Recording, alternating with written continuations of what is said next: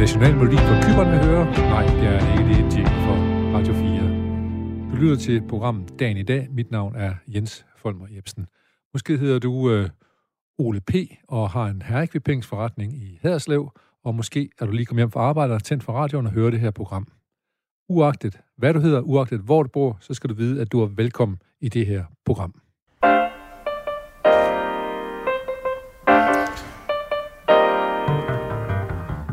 Og når dagen i dag byder vores gæster og vores lytter velkommen, så gør vi det selvfølgelig altid med en herlig sang på læben.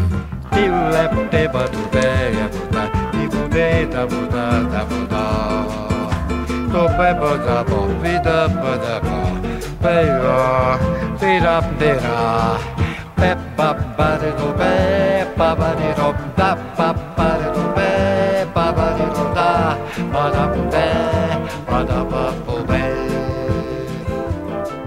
også på denne 25. december er vi øh, blevet bossa nova ind i øh, første juledag, kan man jo godt sige, på vej ind i anden juledag. Øh, vores program i dag handler ikke så meget øh, om jul, for vi kigger faktisk tilbage. Vi kigger tilbage på de øh, kulturbegivenheder, som har præget året, og det er dagens gæst, Trine Nielsen fra DMX. DMJX. DMJX.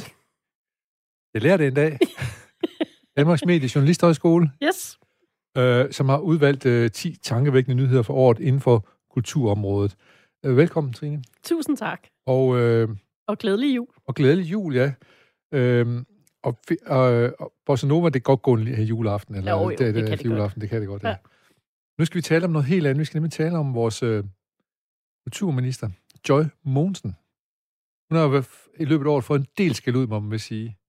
Faktisk har det man har haft lidt ondt af hende indimellem. Ja, det må man sige. Også fordi hun, man har fornemmelsen af, at hun har haft, øh, hun har haft et opdrag, som gik måske lidt imod det, hun egentlig skulle gøre. Altså, hvor, hvor hun har fået at vide, at spiller du bare, nu siger du stille derovre. Altså, hun ikke, hvor hun har været låst, ikke? Jo, altså, jeg synes jo faktisk, at øh, et eller andet sted skal man jo også have den af for Joy, fordi jeg tror, at øh, Joy har jo også bare et andet kulturprojekt. Det har hun øh, som er anderledes end det, vi har haft ja. før. Ja. Så øh, det får man ikke venner af i kulturlivet. Øh, og det kan man se, hun fik jo meget skæld ud, fordi hun kom til at sige, at hendes yndlingsplade, det var Absolut Music 2. Ja. Og at øh, hun også sagde, at øh, under corona her, så var, skulle vi passe på med, at øh, der har vi ikke så meget tid til at, at, at snakke kultur, der er andre ting, der er vigtigere. Det er klart, det får man dyler for. Men hvad er det så for kultursyn? Er det, er det sådan socialdemokratisk, gamle socialdemokratisk kultursyn måske? Nej, jeg tror måske, det er et nyt socialdemokratisk, nyt socialdemokratisk ja. kultursyn, og og øh, jeg tror, at det hun, øh, i hvert fald sådan som jeg hører hende, og det jeg øh, ser, hun gør, øh, så taler hun for et bredere øh, kultursyn, øh, end det vi måske ellers har været vant til. Altså man skal jo også huske på, at i rigtig mange år, så har vi haft øh, enten radikale kulturminister, eller kulturminister fra Venstre, eller konservativ. Ja, ja. Så det er lang tid siden, vi har haft en socialdemokratisk kulturminister, og... Øh, og det gør selvfølgelig, at de har en anden måde at opfatte verden på, og, øh, og det synes jeg på en eller anden måde, vi også skal give plads til. Ja. Øh, fordi at, øh, altså, det er jo godt at blive udfordret en, en gang imellem på ens øh, sandheder, og altså ellers, øh, hvis vi bare, hvis kulturpolitik alene handler om at konservere det bestående, så sker der jo aldrig en Nej, skid nyt. Det gør det nemlig ikke. Øh. Og ej, og det gør det ikke. Og, men man kan sige, det man så måske kan kritisere Joy Mogensen lidt for, det er så måske, hun har gået puttet, puttet lidt med, hvad der er for kultursyn, hun har. Det vil jeg så give dig ret i. Øh, fordi det var jo dejligt, hvis det kom øh, endnu mere debat, vi kunne få altså ud i det åbne og sige, ja. at det her vi vil, og så videre. Ja, det tror jeg faktisk vil være en fordel, og det vil også klæbe dem, at, øh, at ligesom at bekende kulør og sige, jamen, hvad er det så for et kultursyn, øh, de arbejder for? Ja. Det synes jeg kunne være meget velkommen, fordi så kan man diskutere ud for det. Ja. Noget af det, som hendes kultursyn det indebærer, det er blandt andet, hun synes, at der gerne må være flere musicals på det kongelige teater. Hvad tænker du om det? Er det, det, det er der, der kommer en, en, en kultur elite, eller hvad, sådan en gammeldags tænkende kultur tænker som... Jamen altså, ja, det ved jeg ikke. Altså nu tænker jeg faktisk også, at musicals er gammeldags. Ja, og jeg synes, at meget af det, de laver på det kongelige teater, er jo i hvert fald, hvis man går ind på en ny scene, eller ind på i skuespilhuset, er der jo også mange eksperimenterende forestillinger. Så det synes jeg jo faktisk selv, at, øh, at der, jeg har i hvert fald set mange fantastiske forestillinger der, som øh, bryder med sådan det mere traditionelle.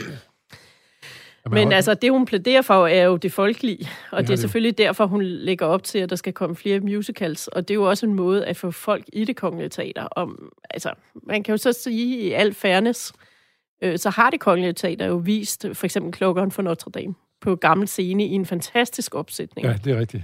Øh, de har også, de spiller jo hver år, spiller de jo øh, Nødeknækkeren, som godt nok er en ballet, men jo også, kan man sige, en meget folkelig ballet. Ja. Så jeg synes jo, de prøver at række ud, og det hun så udfordrer dem på her, det er altså at række endnu længere ud. Men jeg har da selv været inde og se cabaret, også på gammel scene og sådan noget. Så, så det er ikke, fordi så, de ikke har eksperimenteret nej, de med det. Nej, de eksperimenterer med det. Ja. Men man skal være mere folk, men, men det man risikerer er jo også at sige, at man kan sige, at kultur, det er måske vaner. Ja. Øh, og, øh, og så kan man sige, at kunst er så måske det, som det, som måske udfordrer vanerne lidt. Mm. Og øh, så, så hvis man laver musical, så, så går man måske ind i vanerne bare. Jeg tror bare, man får folk trukket fra nogle af de steder, som traditionelt har musicals, for eksempel det ja, nye teater, ja, ja. som jo laver rigtig mange fine musicals, eller i Fredericia, ja, jo også med ja, deres musical-teater. Ja. Altså, så flytter man jo folk fra nogle af de steder ind på, kan man sige, den statslige scene, ja. og det kan man jo også, øh, det vil jeg sige, der bliver, går man måske ind i noget konkurrenceforvridning. Det kan selvfølgelig være en stats, ja. statsstøtte på den måde. Jeg ved fra udlandet, hvor jeg rejste meget, dengang jeg var øh, festdirektør for Aarhus Festuge, der var nogle af de store problemer, man havde med institutioner, som for eksempel Kongeteater, var, at, at de har svært ved at få øh, folk i teater, fordi de kendte færdselsreglerne ja. i teater. Skal jeg gå over i garderoben og lægge mit tøj? Hvad betyder den klokke, der ringer? Ja. Og så videre. Men, men det her med at måske have nogle øh, øh, lidt mere let tilgængelige ting, gør måske, at flere folk vil komme ind i teater, ja. kan man og sige. det tror jeg jo, at det er rigtigt. Og det, altså, jeg går også ud fra, at det er hendes motivation for at gøre det. For at gøre det, ja. ja. Altså, og det er det, jeg mener med, at jeg tror, hun står for et bredere kulturbegreb, ja. altså et mere folkeligt kulturbegreb. Ikke? Ja. Jeg kan ikke lige lade være lige så nævne her, fordi her for mm, starten af december, der havde jeg besøg af hjerneforsker Peter Wust. Ja. Og han siger, at vores hjerne kan bedst lide, hvis alting er snorlige. Ja. Men hvis alting er snorlige, og vores hjerne falder til ro, så, så, øh, så, så går vi i stå. Så dør vi, så går vi i stå. Ja. Så han, han, han siger, at der er nødt til at være noget støj som vores hjerne kan begynde at skal arbejde lidt med at finde ud af. Øh, og det, det vi taler om, var det nemlig, at kunst måske kan levere den form for støj, vi har brug for en gang imellem i hvert fald. Ja. Det, det tænker jeg. Ja. Altså, det er jo det, der er fantastisk ved kunsten. Kunst, ja. Det er når vi går ud og bliver udfordret. Ikke? Udfordrer vores vanebillede, kan man ja. sige, ja. Men øh, vi bliver lige ved det folkelige. Vi går videre til din øh, nyhed nummer 9. Den handler om øh, den her fællessang, som har hervet Danmarks øh, siden marts måned i hvert fald, ikke? Ja. Ja, altså, jeg vil sige... Øh, jeg ser jo folk, der står ude på vejen og synger fællessang nu. Øh, så øh, det der fællessang, det har jo virkelig grebet om sig. Øh, jeg var selv med for mange år siden til at, at øh, lægge, øh, altså starte Spil Dansdagen op, hvor, som jo handlede om det her med fællessang også, ja. at få dansk musik ud. Ja, øhm. og, og der skal vi lige sige, at Spil Dansdagen, det var jo også, hvor man hvor man opfordrede og, arrangerede øh, koncerter rundt omkring hele landet på skoler og biblioteker ja. og alt muligt andet, og hvor man så sang danske sange. Man sang danske sange, og der blev faktisk komponeret ny dansk musik ja. til Spil Dans ja. øh, Spil Dans Dagen, ja. ja. Og øh, det synes jeg er jo et fantastisk initiativ, fordi den sætter fokus på den skaberkraft, der er i Danmark, altså rent musikalsk. Øh, og så også det der med, jo faktisk meget folk- folkeligt at få musikken ud de steder, den ikke plejer at være. Ja. Og parentes bemærket, det gav også nogle masse sjove jobs til musikere, som altså ikke kom ud og spille måske så meget. Lige præcis ja. også. Men, men hvad tænker du, den ellers opfyldt det? Det er fællesang er noget, man øh, tit øh, finder på i øh, krisetider. Ja, ja, men det går jo helt tilbage til al sangen for ja, 2. verdenskrig. Ja. Øh, og øh, så jeg synes jo, at, at fællesang er jo godt, og det er jo også med til at samle nationen, og det er jo også noget, som Altså det her med, at det siger jo noget om vores kulturelle ståsted og vores samhørighed. Ja.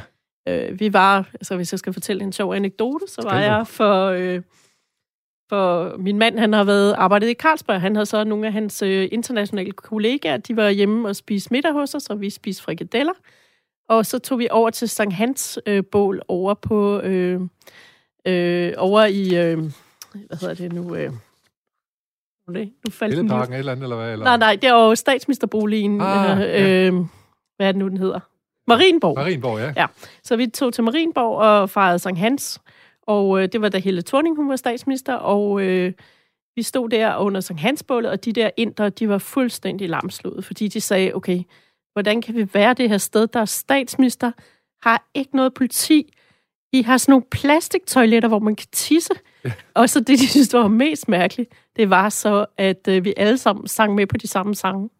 Kunne dem stort og kunne dem alle sammen ja. udenad, ikke? Ja. Og det kunne de slet ikke forstå, ja. at man kunne simpelthen... De, altså, der kunne stå en helt sådan en park fuld af folk, der kunne synge med på de samme sange. Ja, så, man... For det havde de aldrig nogensinde ja. oplevet før, og det havde de aldrig selv prøvet. Og jeg tror, det der med, at det glemmer man jo lidt, at det faktisk er ret unikt. Ja. At ikke bare vi kan øh, nationalsangen, men vi faktisk har et helt bagkatalog af fælles sange, som vi kan synge. Ja, ja der, der, kan man sige, der er Danmark måske tilpas lille til, at vi kan have en fælles sangskat, Præcis. kan man sige. Ja. Og det er vi, noget unikt. Ja, det er lidt nok svært i Indien, kan man forestille sig. Det er ret svært. En milliard mennesker skal... Er bare synge de der 12-tone sange. 12-tone sange, alt muligt. Ja. Så, men øh, men øh, det, vi har den her fælles sangskat, det ser vi som noget positivt. Ja. ja det gør vi. Øh, nu går vi til noget, som måske er knap så positivt på en 8. plads. Der kigger vi nemlig på nogle af de store øh, danskere inden for øh, kunst og kultur, som er desværre gået bort. Og du har nævnt tre. Øh, vil du selv fortælle om dem?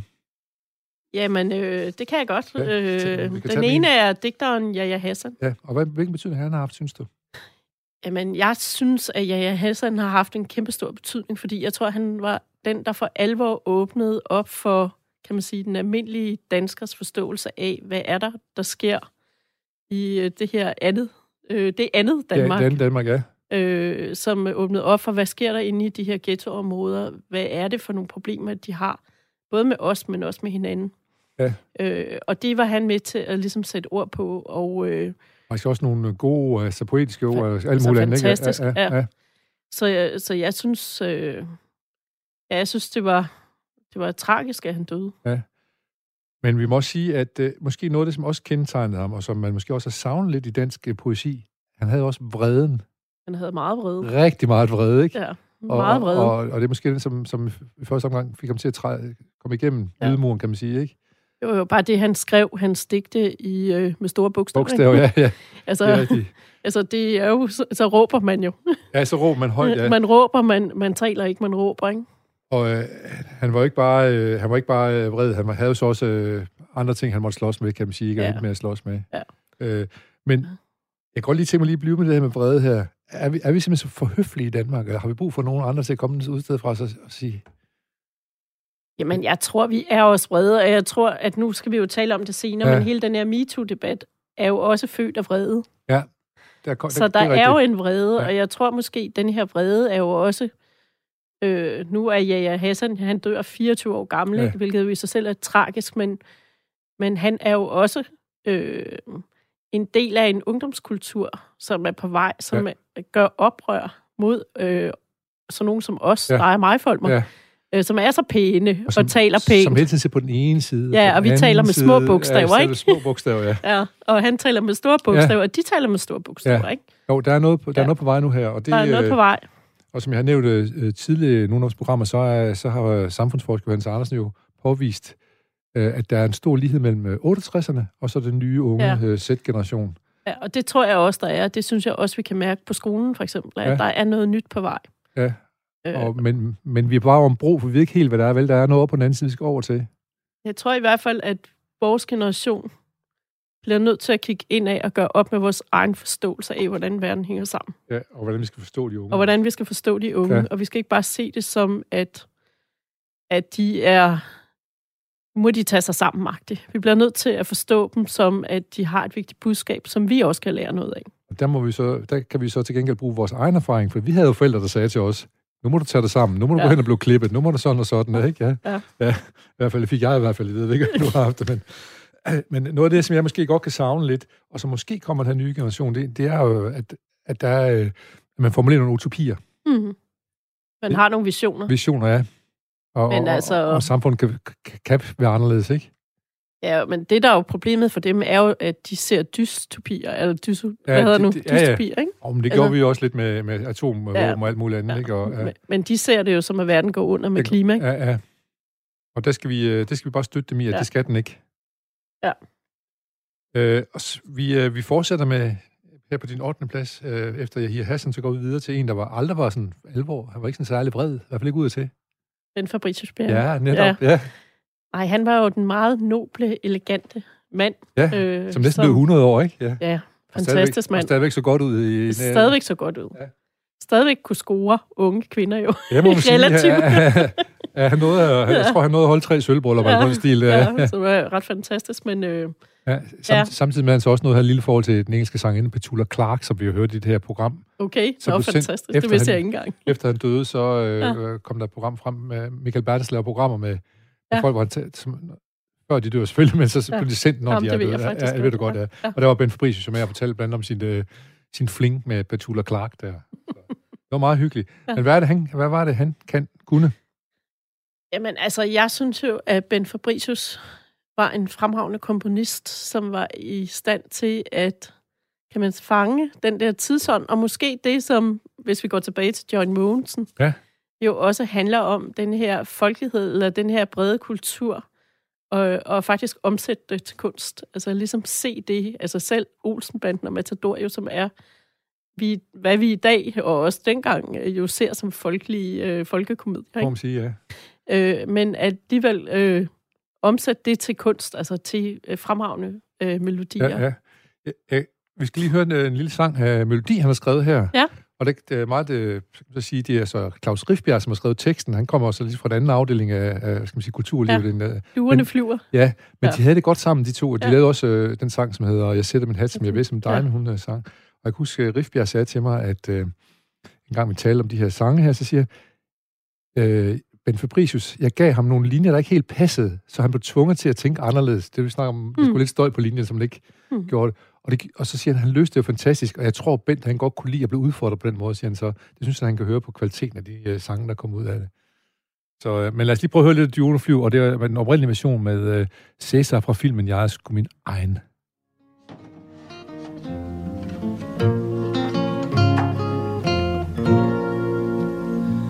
Fluerne flyver af og til op. Ingen ved rigtig hvorfor. Duerne flyver af og til bort. Ingen ved rigtigt hvorhen. Her står du på pladsen, er pludselig alene Og hører dem klapper afsted. Duerne flyver hen over byen. Duerne flyver i flok. Så mærker du hjertet, der også vil lette og drejer dig stirret mod tårnet.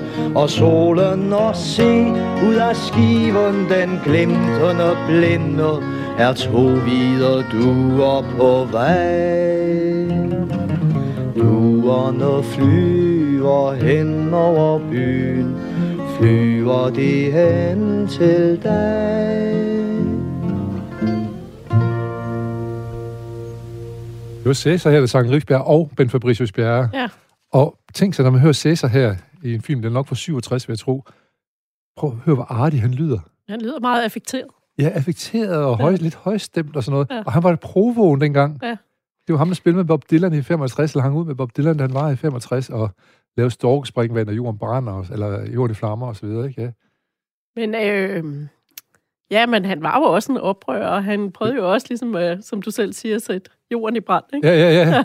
Men, uh, og så alligevel så lyder han her næsten lige så artig, som ben, vi synes, Ben Fabricius Bjerre kan være, ikke? Jo, men altså, ja. Bent, man skal jo ikke tage fejl af Bent, for nu har jeg jo selv også arbejdet i Koda, i Danske ja, Komponister ja, og Sangskriver, ja. og uh, når vi virkelig havde nogle sværslag politisk, så sendte vi altid Bent ind ja. for at tale med politikerne. Politikerne, ja, det vil jeg godt tro, han havde en, en beroligende effekt på, på Det havde han simpelthen. Og han har jo katalog uden lige, som starter ja. måske med for alvor med Alley og sådan noget, hvor ja. han toppede de amerikanske hitlister, som måske den første dansker i virkeligheden. Jo, altså kan man, det ved folk jo ikke, men altså Bent har jo også haft sit eget musikselskab. Ja. Og han har jo også tjent mange penge på at lave musik til, altså musak til butikker, for eksempel. Ja, ja, ja. Og så havde han også metronom, det må vi heller ikke glemme. Og så havde han metronom, ikke? Ja. Altså, så han har jo ligesom spændt meget bredt, og på den måde har han jo været en vigtig øh, person for dansk kulturliv. Ja. Så det er jo, man kan sige, at han har lavet nogle hits, men han har også været en samlende faktor i dansk musikliv, og han har været en samlende faktor i dansk kulturpolitik. Politik også, der, ja. ja og det, skal så, man, det synes jeg også, han skal hedes for. Ja, det skal han bestemt. Ja. Øh, så var han en glimrende rytter til det sidste også jo. Ja. ja. Øh, men ham kom vi til at savne lidt, og øh, heldigvis nåede han at lave rigtig mange gode ja. temaer, og som sagde Olsen Band, Matador, må vi heller ikke glemme, for eksempel. Nej. Nej. Øhm, Og så er der en mere, øh, som desværre er gået bort i, i år, som har præget dansk kulturliv. Ja, det er Michael Bundesen. Det er det jo. Og øh, det er jo fordi, jeg er jo sådan en alder, hvor at, øh, man, man kunne få en plade til jul, ikke? Og så kunne man så vælge, om man skulle have en gasolinplade eller en Shubidua-plade. Ja. Og de, øh, i hvert fald de første fire plader med Shubidua, det var jo sådan nogle, de var jo virkelig kult at have. Ja. Så blev det sådan lidt, lidt for mange, i hvert fald lidt for folk, og så gik man jo over til gasolin. Ja, ja. Men øh, det var ligesom det, der kampen stod mod. Stod, stod, stod mellem det der, ligesom Ja. Cliff og Elvis og sådan ja, noget, hvad nu har været præcis, engang eller der. Rolling Stones Ja, og Beatles. Og Beatles og sådan noget der. Ja. Øh, jeg kan huske, Dan Turell havde det her berømte digt om, at øh, det er ikke let det er ikke let, det er ikke let at være gasolin og tage til USA for at slå igennem, fordi så tager Shubidua ens plads, mens man er væk. Det er jo lige præcis det, der skete.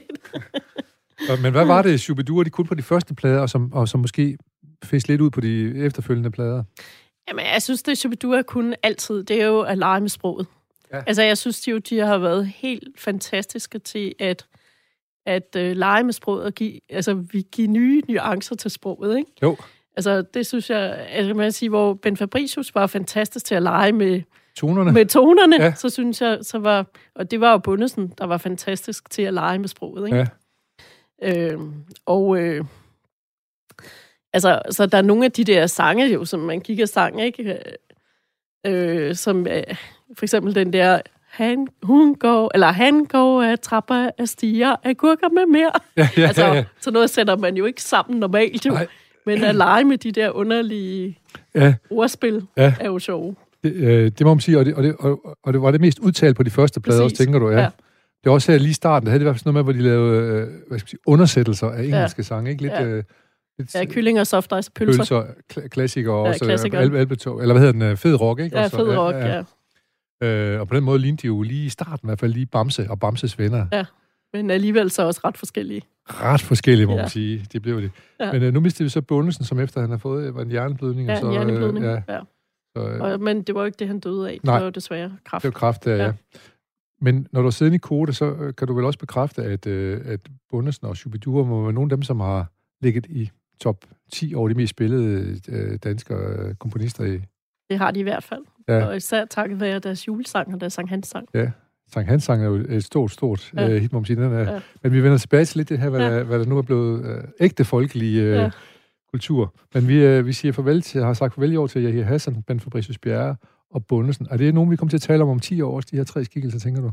Ja, det tror jeg faktisk. Det tror du er. Ja. Tunge har de været. Ja. Øh, nu går vi videre til din syvende plads, øh, Trine Nielsen fra DMJX, øh, hvor du er rektor op, og nu har jeg næsten lært at sige det. Jeg, jeg hakker lidt i det, men jeg nåede, jeg nåede i mål. Øh, den handler om øh, identitets, identitetspolitik, øh, fordi du synes, at uh, Black Lives Matter, så MeToo og sådan noget, måske handler rigtig meget om kultur. Ja, altså det er, som jeg også nævnte tidligere, altså det her med, at øh, jeg ser jo det her med de unges vrede, som vi, hvis vi går tilbage til Jaja Hassan, Ja. altså det her med de unges vrede, øh, bliver jo kanaliseret ud i, altså i kamp mod nogle af de her øh, magtforhold, vi har. Altså Ja. det kan være magt mellem køn, det kan være magt mellem, om man er sort eller hvid, eller det kan være magt mellem øh, de rigtige og de forkerte holdninger. Ja. Så, så det er jo den der, øh, det der oprør, som de har gang i, som handler om at sige, jamen, vi, vi synes ikke, altså vi køber ikke præmissen. Nej, Vi køber ikke præmissen om, at bare fordi, at man er mand, øh, Så- så, har man mere ret, mere ret til magt end kvinder, for eksempel. Nej. Vi køber ikke retten, eller præmissen om, at hvis man er hvid, har man mere ret til magt, end hvis man er sort.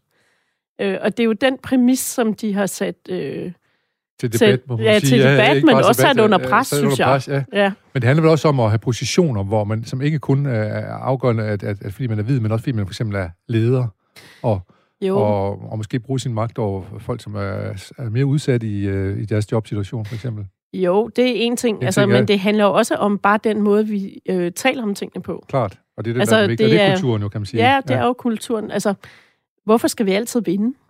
Altså, hvorfor er det en værdi? Ja, Altså, hvorfor, hvorfor er det godt at vinde? Ja. Er det ikke godt bare at være med? ja det er jo det, er jo det olympiske slogan, det egentlig Ja. hedder, og det har man jo glemt Ja. for længst i olympiske Men, lege, kan men, man sige. øh, men det er jo sådan noget, de stiller spørgsmålstegn ved på min skole, for eksempel. Ja. Det siger, Trine, hvorfor skal vi vinde? Ja. Altså, vi vil bare godt være med. Vi vil godt have det sjovt. Vi vil bare være kloge og lære en masse ting. Hvorfor skal vi så vinde? Ja. Hvorfor skal vi vinde priser? Det er jo så et spørgsmål. Hvad svarer du så? Jamen, ja. jeg er et godt spørgsmål. Det, det ja, og jeg vil sige, at det er jo det, de udfordrer os på. Det er jo også, at vi bliver nødt til at reflektere over vores egen værdier. Klart, ja. Så, så det er jo et, et skud altså tilbage til os i forhold til at øh, reflektere over vores egen succeskriterier. Altså for vores liv. Men kan det ikke også godt... Øh, nu, vi, vi, vi opdaterer jo ungdommen her hele tiden, eller, fordi ja. vi synes faktisk, at... Øh, udover at de har været udsat, ikke bare for forsømt forår, men for et fordømt år, ja. øh, så er vi jo glade for de initiativer og så videre, de viser. Men kan det ikke også blive for maligt faktisk, om det er lige meget, om vi vinder eller ej? Det er jo, men jeg tror ikke, det er fordi, det, det ikke vil holdning. vinde. Nej. Altså, det ligger, det ligger mere i at sige, hvad er præmisserne, vi er på? Ja. Så det er jo ikke kun at vinde, men altså, det er jo at sige, hvad er det for nogle præmisser, vi stiller op for, hvornår er vi en succes, hvornår har vi et godt liv. Det er måske også sige, bare fordi vi ikke vinder, så kan vi sådan set godt øh, bidrage. Vi kan øh, bidrage meget, altså, ja. og det er jo også det der med, hvis vi går tilbage til alt det der med klima og sådan nogle ting, så er det jo også, altså hvorfor er det en succes, at vi skal eje en masse ting? Ja. Altså hvorfor er det et, et symbol for succes, ja. at vi ejer og besidder en masse ting? Ja. Altså så det, er jo, så det er jo hele, kan man sige, den vestlige verdens værdisæt, som, som, som ja, de stiller spørgsmålstegn ja, ja. ved. Ikke? Og derfor for mig er det blevet... Altså, hvor det startede for mig som en diskussion omkring krænkelser, eller for og imod krænkelser, og jo, i hvert fald i den branche, jeg har jo været i mediebranchen i mange år, og jeg må jo så også sige, at jeg har jo også oplevet øh, det ja. her med krænkende adfærd. Ja. Øh, men øh, det var sådan set det, hvor jeg selv også øh, startede med at høre den der øh, at det handlede om krænkelser, til at nu, hvor jeg har talt meget med mine studerende, og jeg har virkelig talt meget med dem, for at prøve at forstå, hvad er det præcis, det handler om for dem. Øh, for ikke også at prøve at sætte ting i kasser. Ja, ja.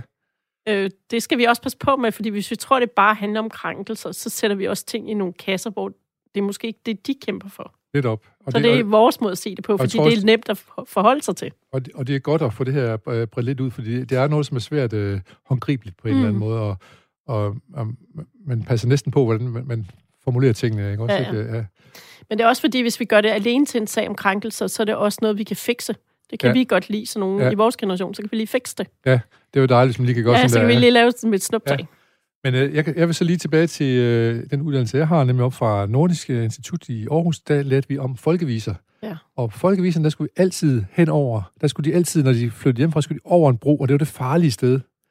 Og man vidste ikke, hvad der var over på den anden side. Og jeg synes faktisk lidt, den tid, vi lever i nu, den minder lidt om, at vi er på vej over en bro. Vi kommer fra noget, vi trygte, noget vi kender, og vi har levet efter i mange år, men nu, er der, nu skifter tiderne, mm. eller tiderne skifter, og nu er vi på vej over broen.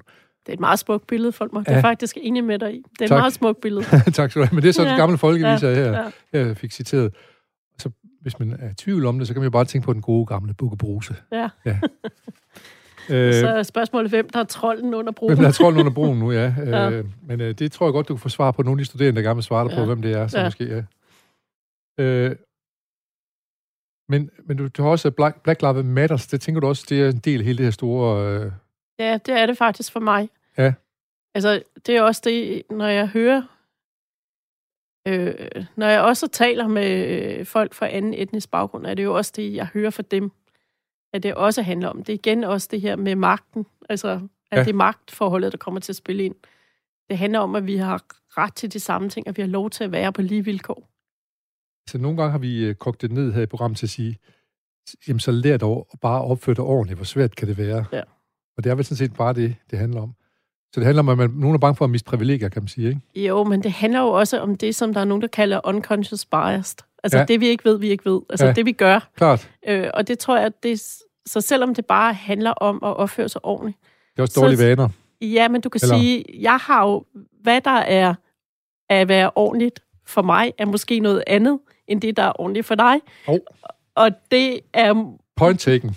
Det er jo det, der er problemet. ja. Og det er jo faktisk der, hvor vi er. Og det er, hvis vi ikke forstår deres måde at forstå ordentligt på, ja. Så forstår vi heller ikke, hvorfor at vores måde at forstå ordentligt på det udfordrer den dem. dem. Den udfordrer dem, jeg ja. kan så sige. Men jeg tænker bare, at nogle af tingene ved vi jo godt. Vi ved jo godt, at vi skal ikke øh, udnytte dem, som er en svær, svær jobsituation ind selv, bare fordi man har en Men det, så er vi ude i det krænkelsesdebatten. Så er vi i krænkelsesdebatten, ja. Det har du ret i. Og, og det er det. Og den det, du have gjort bredere. Den skal handle, det skal handle om hele... Det skal i hvert fald... Ja. jeg ved ikke, om det skal handle om det her, men det skal handle ja. om dialog, og det skal handle ja. om at prøve at forstå hinanden. Ja, ja. Jeg tror dybest set, det er det, vi skal gøre. Ja. Vi skal bruge mere tid på at snakke sammen, og prøve at forstå hinanden, hvorfor ja. vi handler, som vi ja. handler. Jeg nåede lige at nævne kort for den amerikanske forsker, øh, kvindelige forsker, som øh, har sat hele det der cancellation, øh, som man bruger på, på Facebook, hvor, hvor hvis folk har sagt noget forkert, så bliver de øh, skubbet ud i de næste 30 år, men de har de ikke kvalificeret til at deltage i den her debat, fordi de har sagt noget forkert. Hvor hun, har, hvor hun udfordrer netop sine studerende ved at sige, hvornår bliver sådan noget forældet? Hvornår må man ikke deltage med? Er det ikke vigtigere, at vi taler sammen, end at vi udelukker nogen? Og det er måske en, de det er en risici, måske der også er, eller hvad? Eller de, nogle af de risici, der er ved det her.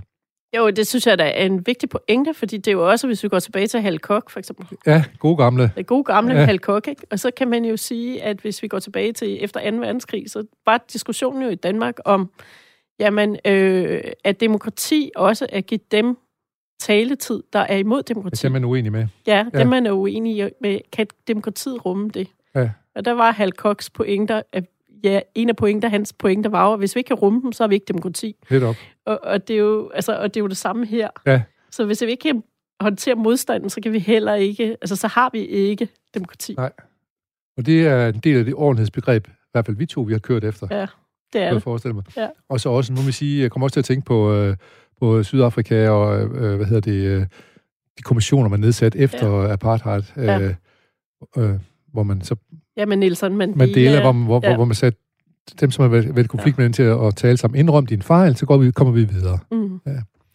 Det var meget smukt, kan man sige, i ja. hvert fald. Nå, men, men der er ingen tvivl om, at det har fyldt meget i, uh, her i 2020 med uh, MeToo og Black Lives Matter og så videre. Men uh, der, det er, vi er nok ikke færdige med helt at tale om det i det kommende år her. Altså, jeg tror, det kommer til at fortsætte mange år, fordi det her, det er jo en dialog, vi skal have gang ja, i, og, ja. og hvis vi skal ændre kultur, altså kultur er jo noget af det sværeste at ændre. Det er det. Det skal vi have kunsten til at hjælpe os med, jo. Det skal vi nemlig, skal fordi vi, ja. den udfordrer os. Ja. Øhm, godt, og så nu skal vi så videre til øh, øh, her, hvordan at, øh, kulturen har været innovativ i løbet af 2020. Og måske ja. ikke har udfordret os, men i hvert fald hjulpet os på, på nogle måder med, øh, i hvert fald at blive formidlet på andre måder. Ja, altså det er jo det, jeg synes, at kulturen kan jo. Det er jo den, øh, der er jo helt fantastisk. Altså vi har jo haft et år, hvor man ikke måtte gå ud og høre musik, og man har ikke måtte gå i teateret, og man har ikke måtte noget som helst. Og øh, i stedet for, at kulturen ligesom bare sat sig derhjemme og ventet på, at vi åbnede op igen, øh, så har den jo bevæget sig ud ja. i, øh, i verden og hjem til os på en ny og utraditionel måde, ja. som man kan sige, øh, altså Helsingør for eksempel, der kunne du komme øh, på jazzkoncertvandring i skoven. Øh, så jeg nogen, der havde lavet. Ja. Jeg havde så, så øh, også sådan nogle øh, vand, altså nu, det var jazz igen. Ja, ja. jeg er lidt biased her. Men de havde lavet sådan, normalt er der også sådan en stor parade i, til åbningen med jazzfestivalen, hvor man går øh, op og ned af gader og stræder og spiller musik. Og det havde de så flyttet ud på vandet, så de sejlede øh, i den her parade i stedet for. Musikken øh, vil ud?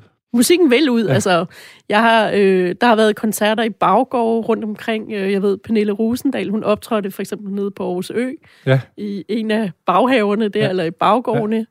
Ja. Øh, jeg, har, altså, jeg har jo set på alle mulige sjove måder, hvordan musik og teater og ja, kunsten i det hele taget er kommet ud til os på nye måder. Det synes jeg er meget imponerende. Ja, også nogen, der har fundet ud af at bruge øh, Zoom og så videre. Ikke? Man, ja. taler, man taler lige om Zoom Boom. Ja, ja.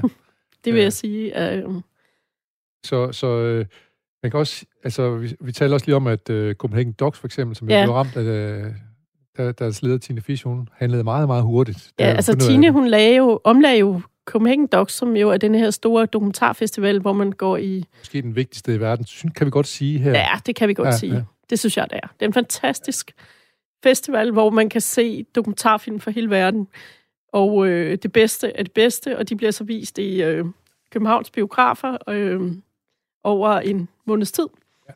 Og øh, de måtte så omlægge hele festivalen til digitalt. De lavede simpelthen en øh, streamingtjeneste, hvor at man lige så kunne tilgå alle de her film mod øh, betaling. Og jeg synes, det var en kæmpe oplevelse, og for mit eget vedkommende, som jo også er, jeg er jo en del i Aarhus, øh, betød det jo også, at jeg lige pludselig kunne sidde her i Aarhus og streame. Så kunne du være med i festivalen alligevel. Ja, ja, de her dokumentarfilm, ja. og så være med i festivalen. Og øh, det synes jeg, det var en fantastisk gave at få. Ja. Du kan se, at efterfølgende så kom der kritik af Copenhagen Pix, tror jeg, det hedder. Ja. Øh, fordi de ikke øh, gjorde det samme. Ja. Men øh, jeg vil sige, at nu har vi jo også eksperimenteret ret meget med streaming og ja. med øh, det digitale på skolen, ja. jo, fordi ja. al vores undervisning har været omlagt. Ja. Øh, og det kræver meget. Ja. Øh, det kræver rigtig meget at ja. kunne lave det i en ordentlig kvalitet. Ja. Så det vil jeg sige, det viser bare, hvor, hvor stor præstationen har været. Det var der Copenhagen Dogs lavede, ja. lavede ja, om der. Ja. det vil jeg sige. Men uh, lad os lige blive øh, øh, næsten ved det her emne her, øh, fordi vi går videre til dansk film på din femte plads. Ja. Øh, og der, der er du egentlig meget godt tilfreds med det udbud, der er kommet her det sidste stykke tid. Ja, men jeg må sige, at jeg er jo... Altså, det er jo meget sjovt, fordi der, man har jo, der har været skrevet meget i aviserne om, at nu blev James Bond-film jo udskudt igen, igen, igen, ja, og hvad, det var det, der skulle redde biograferne ja. i år og sådan noget, ikke? Men i stedet for nogle af de her amerikanske film, er det jo så været et år med en perlerække af danske film, som har været, synes jeg, helt fantastiske, og også haft en meget stor bredde og mangfoldighed, ikke? Altså fra druk til vores mand i Amerika, til øh, retfærdighedens rytter, Erners krig, madklubben, øh, og så videre, og så videre. Ja, ja. Det er jo ret fantastisk, synes jeg. Ja, og, øh, øh de, og de siger, jo virkelig næsten nærmest publikumsrekorder, ikke? Ja, det gør de. Ja. ja. Jeg så der 150.000 inden første weekend nærmest at se retfærdighedens rytter, eller der var ja. solgt billetter. Det er jo helt vildt, altså. Ja. Så øh, hvorfor er det den interesse for dansk film? Er det fordi kvaliteten er høj? Jeg synes jo, at de både øh, handler om noget, som er nærværende. Altså, de bringer noget vores egen øh, historie ind. Ja, ja. Øh, de, øh, altså for eksempel druk. Jeg tror, at vi alle sammen på en eller anden måde øh, har jo spurgt os selv, drikker vi for meget vin eller, om fredagen, eller, eller hvad drik, med de unge strukkultur? Eller og, drikker vi for lidt i hverdagen? Og drikker vi nu? Altså, det var så det, den handler om. Drikker vi for lidt i hverdagen? Men alt det spiller den jo så på, ikke? Ja. Øhm, så den synes jeg var fantastisk. Og så, jamen, så har der jo også været børnefilm, altså flere gode, også danske børnefilm, ja, jo, ikke? Ja. Altså. Men lad os lige, jeg, jeg kan godt lige uh, stand for den der, hvor mand i Amerika, som handler om uh, Kaufmann, ikke? som er, ja. var en dansk... Uh, Henrik Kaufmann, ja. ja. som var diplomat i uh, Washington. Washington under 2. verdenskrig, og som jo faktisk jo uh, tog sit eget mandat, så ja. at sige, ja. uh, og fik adgang til de danske guldreserver med hjælp fra Roosevelt, og så på den måde jo uh, selv kørte uh, krigen fra Washington. Og der kan man så sige, der brød han måske øh, grundloven i endnu højere grad, end vi har gjort her i Mink-sagen, for eksempel. Ja, altså jeg vil sige, det for Mink-sagen til at blege. ja, ja, altså ikke ja. nok med, at han lovede øh, amerikanerne adgang til Grønland Netop. på ubestemt tid. Ja, ja. Øh, han, øh, der var en pris for den handel, han ja, lavede der. Ja, præcis. Altså, ja. Altså, så man kan sige, det var jo et ret stort, ja. en stor frihed, han tog sig. Han tog sig ja. Men han alligevel, har han ikke blevet, øh, eftertiden, har, ikke, har han ikke været venlig ved ham? Langt Jamen, jeg tror, nej, der er, der er ligesom to ting, ikke? Ja. Altså, der er dem, der ser ham som landsforræder, ja. og så er der dem, der ser ham som helt. Ja. Så det kommer ind på, hvilket politisk spektrum du okay. er på. Ja. Øh, og det er jo selvfølgelig fordi, at han tog så de her frihedsrettigheder, ja. som han gjorde. Øh, men han vil, han vil så sige nødværve, måske? Ja, han ja. vil sige nødværve, men man kan også sige... Ja, altså, Bo Lidegaard har jo skrevet den her bog ja. øh, om ham, og øh, den er meget læsværdig, vil jeg sige. Så ja. hvis man vil have et sådan den her man vil anbefale. Man kan ikke ønske sig en julegave til næste år, eller også kan man bare men, gå ned i boghandlen og købe den. Jeg vil sige, ja. man kan gå ned i boghandlen eller, og købe den, eller ja. man kan købe den på Saxo, ja. hvis man må gøre reklame, men ja. uh, der kan man faktisk få den for 50 kroner. Så og, hvis man mangler noget i juleferien, ja. så kan man læse den. Godt. Bo Lidegaard, ja. øh, bog om uh, Kaufmann, den skal ja. her med være, skal med være anbefalet. Der var noget med dramatisk endeligt for ham, ikke? Jo, altså han blev slået ihjel af sin kone. Ja. Så øh, hun skar jo halsen over på ham. Og, Søbad, eller hvad det var. Ja, og ja gik, begik selvmord bagefter. Så. Ja. Og øh, det fordi han var syg, og fordi der, altså, det er jo også det, der var kærlighedshistorien i det, ikke? Altså, ja. også, som bliver skildret i filmen, at deres kærlighed var så stærk. Så. Men ikke, den har ikke noget at gøre med, det med hans det har ikke noget med hans virke at gøre. Virke at gøre det, det, handlede om hans, øh, det handlede ikke om hans virke, men om hans, deres kærlighed. Ja, godt. Øh, men vi, øh, jeg glæder mig til at komme ind og se nogle af de her film, og min familie, kan det sige, har allerede vendt at se Retfærdighedens Rytter og Druk, og jeg ved ikke hvad. Hvad handler madklubben om? Men den handler om øh, nogle kvinder, som, øh, hvor den ene er blevet skilt, og øh, de tager sig op på sådan et madkursus. Og øh, ja, så det... Ja, så handler det om kvindefrigørelse og lyster og så videre.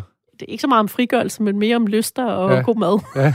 Men, og, det, og gode veninder. Men, men, men det, at kvinderne i den alder, de uh, tager sig nogle friheder, det er vel også en form for, for frigørelse, kan man sige, ikke? Ja, altså jeg synes, det der er det unikke ved den film, det ja. er faktisk, at de laver sådan en film, som minder, som man normalt vil se i amerikanske film. Altså lidt feel, feel det er good, sådan, feel det er good sådan en uh, feel good film, som ja. man uh, kunne forestille sig, sådan en som Diane Keaton, hun var med i, hvis det var en amerikansk ja, film. Ja.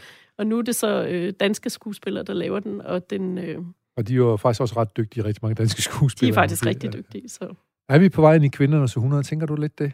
Øh, også når vi kigger på, hvem det er, som begynder at reagere på den her MeToo og alt muligt andet. Det er jo meget kvinder og sådan noget, der, der Altså, jeg vil i hvert fald tingene. sige, at de dygtigste studerende, vi har på skolen, det er der kvinder. Ja. Så, øh, og det er jo sådan generelt set. Ja. Altså, man kan jo sige, dem, der har det sværest i, i den måde, vi, vores samfund er skruet sammen på i dag, det er jo mænd. Det er enlige mænd, som har det rigtig ja, hårdt. det er enlige ja. mænd, der har ja. det hårdt, og det er også dem, der har haft det hårdt under corona. Ja. Det tror jeg, øh, det er sådan lidt en overset ting, at det faktisk er mændene, som kæmper mest med ensomhed, for eksempel. Ja. Ja. Fordi at de fællesskaber, de plejer at indgå i, som for eksempel til sportsbegivenheder, at de, de har er, været... Øh, de, de har jo været lukket ned. Er lukket ned, ja. ja. Jeg ved ikke, hvad man gør reklame, men jeg er nødt til at sige, jeg lavede faktisk en bog, der var færdig med at skrive den, så fandt jeg ud at den handler om, at jeg kunne se, at ja. kvinderne er på vej til at ja. og, og stille og roligt overtage på godt og ondt, og, ja. men, men helt nødvendigt også. Ja. Mens mændene, de render rundt og lufter døde hunde, ikke? Ja. jeg løber op i en kolonihave, der, der går jeg, lige ved siden af, hvor jeg bor, jeg kan se, der er flere og flere kvinder, de har simpelthen øh, de har købt kolonihavehus selv, ja. og så går de med store save og alt muligt andet, og motor og alt muligt at køre. Det kan de sagtens finde ud af. Og mændene, de, de går sådan lidt modløst rundt, eller det vil sige, de går ikke engang rundt, de sidder inde i deres bil og forsøger at bakke med nogle trailer og sådan noget. det er lidt nyk. Vi må simpelthen tage Nå, sammen. men de har stadig ikke det der med traileren. Det kan de. De kan bakke lidt med altså, traileren. traileren det, den har de for sig selv. det har de sig selv. Men i, i mine... Øh, ja, lad os sige det. Lad os gå videre til nummer 4. Det handler også om levende billeder. Ja. Det handler om uh, Netflix, som jo er en stor, stor spiller i, uh, i kulturlivet, kan man sige, eller hele tiden alle de her streamingtjenester, som der bliver flere og flere af. Uh, og der er ser to, vi lige vil kigge på her. Den ene, den handler om den, der hedder uh, Gambit, eller Queen Gambit. The Queen Gambit, Gambit ja, ja. Som handler om en kvindelig ung skakspiller. Fortæl ja, det er en fantastisk ja. historie. Jamen, det handler om øh, denne her øh, pige, som øh, øh, er forældreløs og vokser op på et børnehjem, og øh, der bliver hun så af pedellen på børnehjemmet. Der bliver hun, øh, lærer hun, han lærer hende at spille skak. Ja, hun bliver introduceret til skak. Hun bliver ja, introduceret ja. til skak, og det viser sig så, at hun har en, øh, kan man sige, et overnaturligt talent for, øh, for skak. Ja. Altså hun kan simpelthen visualisere øh, skakspillet ja, når, på en måde, sådan, så hun kan spille øh, 14 spil på en gang. Ja, når hun ligger om natten, så øh, altså, visualiserer hun skakspillet op på loftet og sådan noget. Men det hænger også lidt sammen med, at hun øh, rent faktisk er tæt på at være misbruger, ikke? Hun er misbruger. Misbruger, ja. ja. øh, Men altså, hun får de visioner. Det er også noget, hun ja. får gennem de...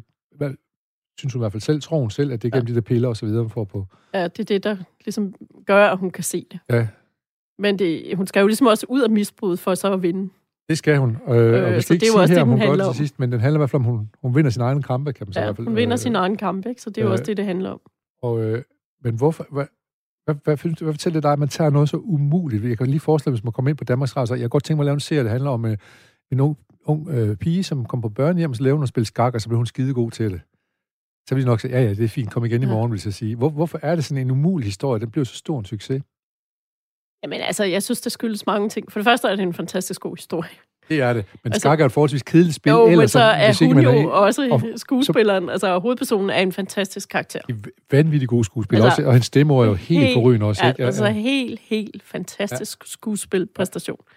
Øh, og så synes jeg også, at øh, jamen, det bliver jo også sådan en historie, der på en eller anden måde... Øh, altså hele det historiske setting, de har lavet omkring ja, er... der i slut 50'erne, ja. Er altså bare scenografien. Øh, det er en oplevelse at se filmen, ja. bare for at se scenografien ja, ja, ja. og hendes tøj, for eksempel. Ja, ja. Jeg vil at sige film, det er jo en serie, er det eller seks, en serie, seks afsnit, ja, tror jeg, eller ja. ja. Så, øh, så jeg tror, det, altså, det er ikke bare historien, men det er også alt det, der er omkring det. Det gør, visuelle og sådan noget der. Ja. Den visuelle oplevelse af, af serien ja. er fantastisk. Fordi jeg må jo sige, skak er jo nok ikke det, som er mest tv-egnet overhovedet. Nej, men altså, jeg synes jo, det er jo det, som Netflix er i stand til. Det er jo at tage nu også The Queen, for eksempel. At tage de her historiske fortællinger og sætte dem ind i nogle rammer, som er altså ud over det sædvanlige. Ja. Altså, jeg må sige, det det er jo det, som... Altså, det er jo så dyre produktioner. Ja. Og man kan jo se, hvor dyre de her produktioner ja. er. Ja, det, det må man at sige. det ligesom kan opbygge de her verdener.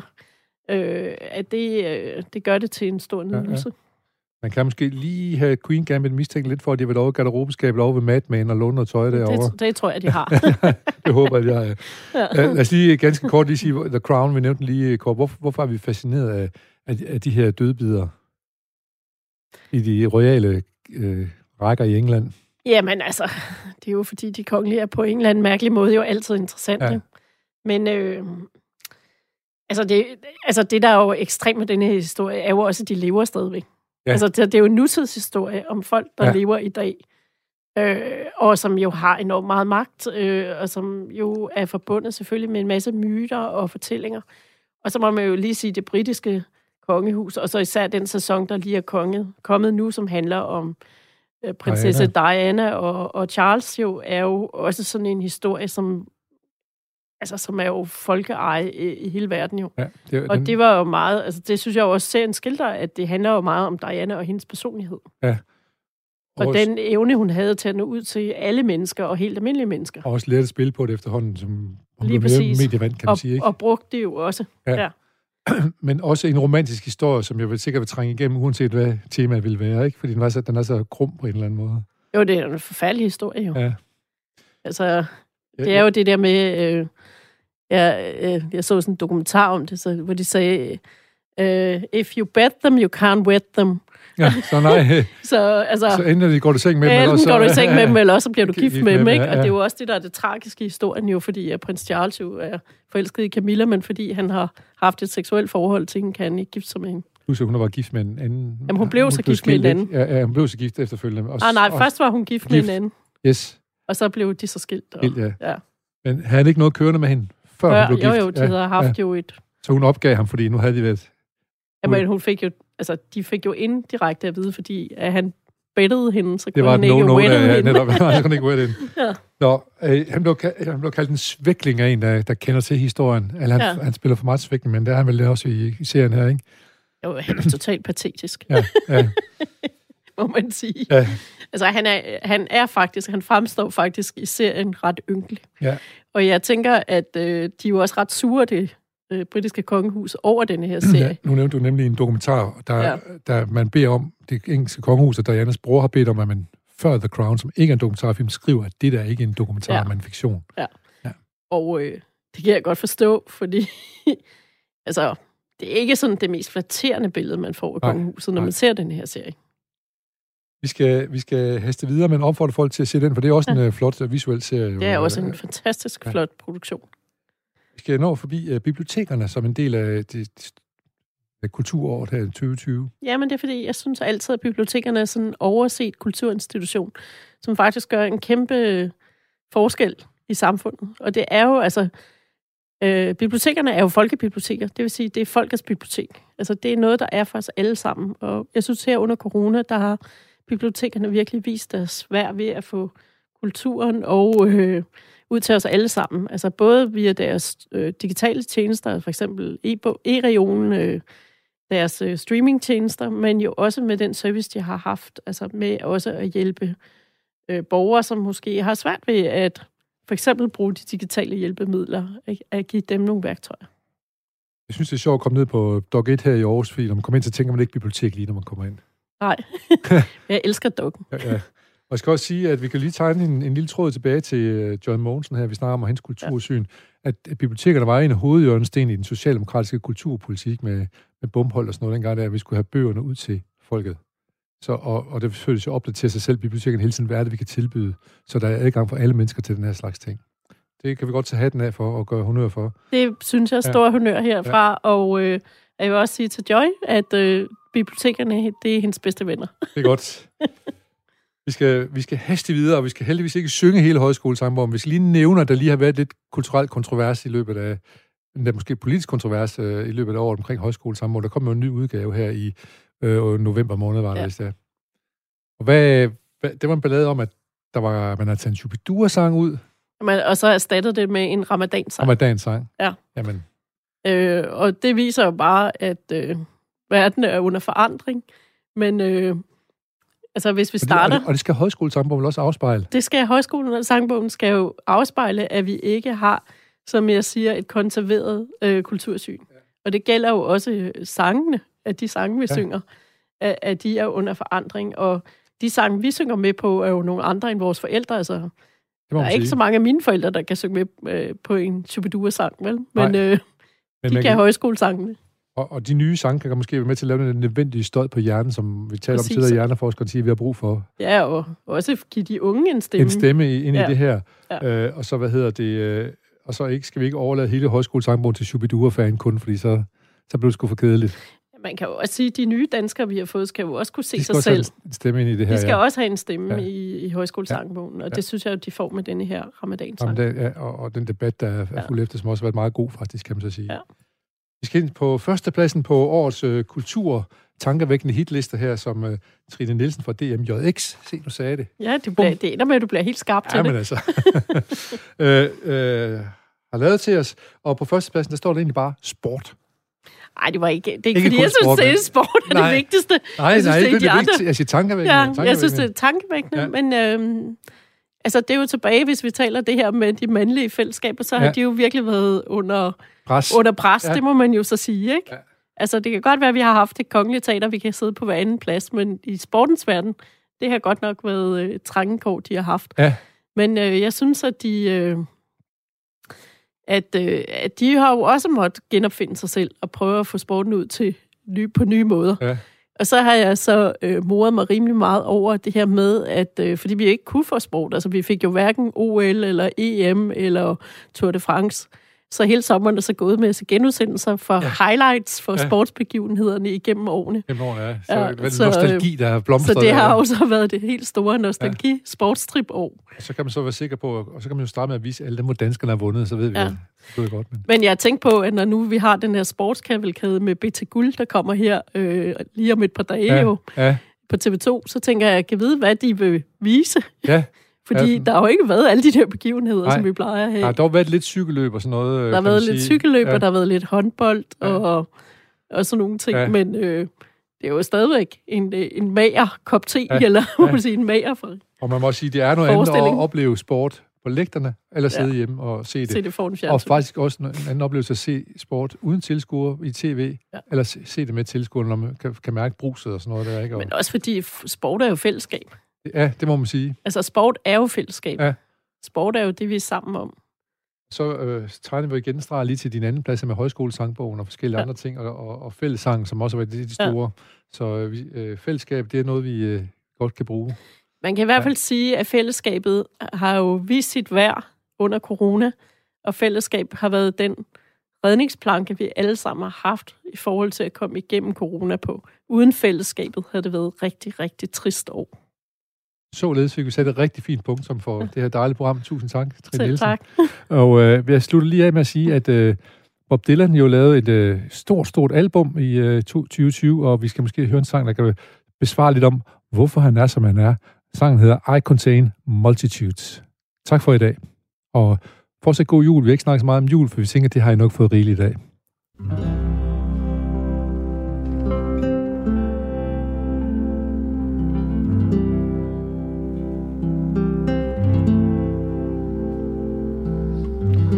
Tomorrow, and yesterday too. The flowers are dying like all things do. Follow me close, I'm going to Berlin, Ali. I'll lose my mind if you don't come with me. I fuss with my hair and I fight blood feuds. I contain multitudes. Got a telltale heart like Mr. Poe. Got skeletons in the walls of people you know. I'll drink to the truth and the things we said. I'll drink to the man that shares your bed. I paint landscapes and I paint nudes. I contain multitudes. A red Cadillac and a black mustache. Rings on my fingers that sparkle and flash. Tell me what's next. What shall we do?